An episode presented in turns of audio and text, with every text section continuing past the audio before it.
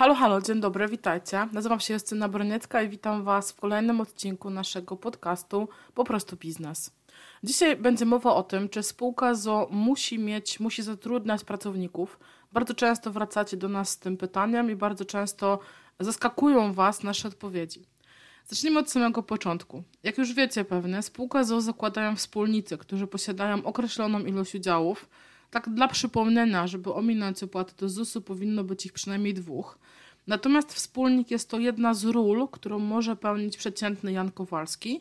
No i teraz załóżmy, że Jan Kowalski wraz z Aliną Kowalską są małżeństwem i założyli spółkę ZO. Każdy z, nas, z nich ma 50% udziałów. I teraz Jan z Aliną jako wspólnicy powołują zarząd. I okazuje się, że do zarządu powołują również siebie, czyli Alina i Jan e, jako wspólnicy powołują Alina i Jana e, do pełnienia funkcji e, członka zarządu. No i prawda jest taka, że takich konstrukcji w Polsce jest bardzo dużo. Co więcej, Jan i Alina również wykonują całą pracę operacyjną na rzecz spółki i nie potrzebują na ten moment zatrudniać kolejnej osoby. No i tutaj pojawia się wiele pytań, a kto tą pracę wykonuje, a czy Urząd Skarbowy się nie czepia, a czy ZUS przypadkiem nie będzie się domagał składek. E, bardzo dużo pytań zadajecie w związku z tym, więc zacznijmy od tego, co powinien najpierw dostać zarząd.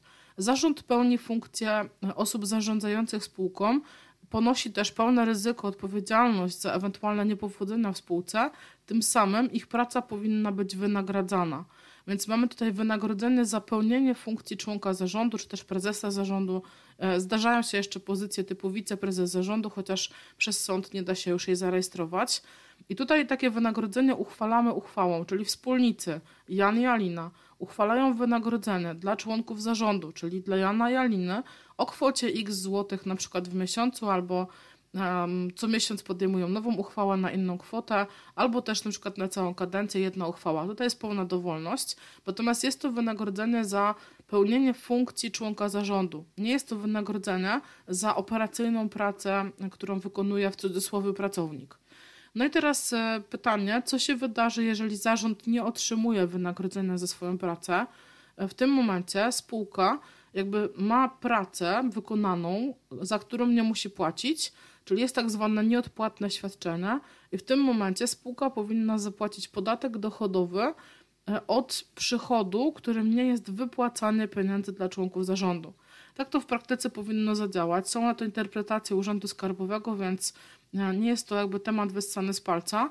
Natomiast w praktyce niewiele biur rachunkowych w ogóle do tego tematu tak podchodzi.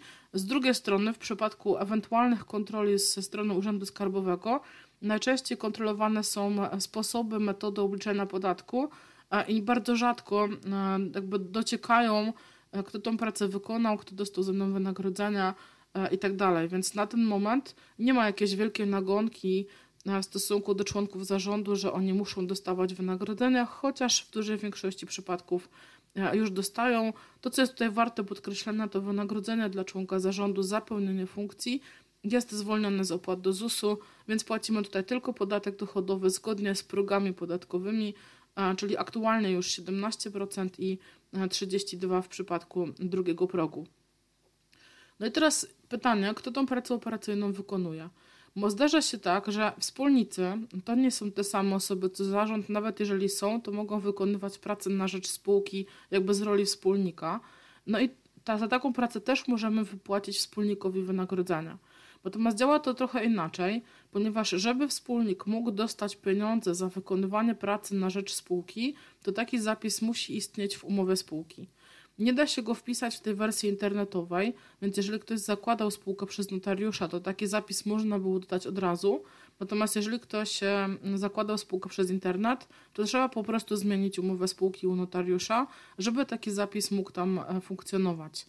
Teraz jak to działa w praktyce? Wspólnik pod tytułem Alina wykonuje pracę wiem, asystentki biura albo office managera w firmie i otrzymuje za to wynagrodzenie rzędu, nie wiem, 3000 zł miesięcznie. Firma przelewa mm, Alinie kwotę brutto, czyli 3000 zł i teraz Alina jako osoba prywatna ma obowiązek zapłacić od tego podatek. E, tak to działa. Niewiele firm z tego korzysta, dlatego że mm, tak naprawdę niewielu notariuszy wie o tym, że taki zapis można umieścić w umowie spółki. Co więcej, że jest to jedyny zapis, które uprawnia spółka do tego, żeby wypłacać wynagrodzenia dla wspólników. Tak samo jak w przypadku um, zarządu, takie wynagrodzenie jest zwolnione z opłat do ZUS-u, trzeba zapłacić od niego tylko podatek dochodowy. No ale załóżmy, że mamy bardzo trudną sytuację i nie mamy tego zapisu w umowie spółki, a pomimo to musimy wypłacić e, pieniądze komuś za pracę operacyjną, nie wiem, za programowanie, sprzątanie, e, pisanie jakichś scenariuszy, prezentacji, szkolenia, cokolwiek robicie w firmie. E, możecie na przykład podpisać między sobą a spółką umowę o dzieło, umowę zlecenia, ostatecznie umowę o pracę, która pozwoli Wam na wypłatę wynagrodzenia takiej samej formie, jak wypłacilibyście ją e, jakiemuś pracownikowi, tak, zatrudnionemu z zewnątrz. Oczywiście najbardziej opłacalną formą w sensie ekonomicznym jest umowa o dzieło, ponieważ e, no, nie mamy tutaj składek ZUS i podatek jest stosunkowo niski. Jeżeli chodzi o umowę zlecenia, to ona dzisiaj właściwie prawie w 100% przypadków jest ozusowana. E, umowa o pracę jest ozusowana, plus wszystkie te świadczenia związane z urlopami, z macierzyńskim, z tacierzyńskim, z płatnym zwolnieniem lekarskim i koniecznością prowadzenia ogromnej ilości dokumentów, więc tą formę odradzam. Ale pojawia się jeszcze jedna kwestia, że w części spółek wspólnicy czy też członkowie zarządu prowadzą działalność jednoosobową i zdarza się tak, że zamiast wystawiać umowę o dzieło, to wystawiamy naszej spółce fakturę z działalności. Na przykład na działalności mamy podatek liniowy, korzystamy z jakiejś opcji małego ZUS-u, więc powiedzmy, że nam się to może opłacać. No i e, okazuje się, że e, w działalności mamy dokładnie te same PKD i wykonujemy dokładnie to samo co spółka. E, to nie znaczy, że nie możecie wystawiać faktury. Natomiast to, na co trzeba zwrócić uwagę, to po pierwsze to, że spółka ZO zabrania wykonywania działalności konkurencyjnej członkom zarządu. Więc jeżeli jakiś członek zarządu prowadzi swoją jednoosobową działalność, ta jednoosobowa działalność w zasadzie zajmuje się tym samym co spółka, to jest to prowadzenie działalności konkurencyjnej. Jedyne, co możecie w tej sytuacji zrobić, to uchwalić uchwałę wspólników, że e, wy o tym wiecie i wyrażać na to zgodę. E, I w tym momencie jakby no, ta odpowiedzialność znika. Z drugiej strony takich faktur nie lubią ani urzędy skarbowe, ani ZUSy, bo ZUS chciałby tą kwotę ozusować na przykład z tytułu umowy zlecenia, a Urząd Skarbowy twierdzi, że jest to omijanie e, podatków, ponieważ e, w działalności płacicie podatek liniowy, a gdybyście te pieniądze sobie wypłacali na przykład z tytułu pełnienia funkcji, to wpadlibyście w drugi próg, czyli zapłacilibyście 32% e, podatku. W związku z tym, po pierwsze, jeżeli robicie taki myk, to trzeba spisać porządną umowę pomiędzy spółką a działalnością gospodarczą.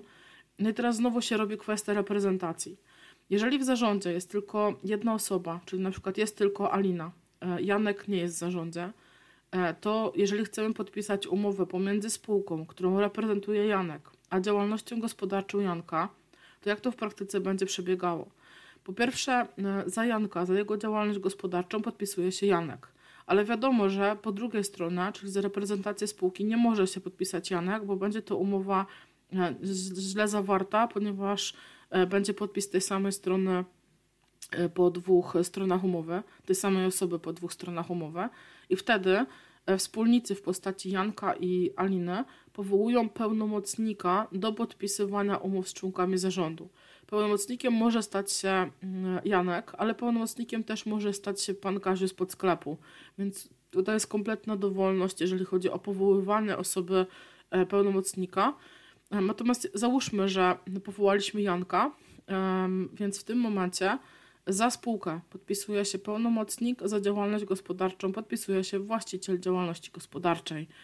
Tak to w praktyce przebiega. Dokładnie ta sama procedura jest z umowami o dzieło czy z umowami zlecenia.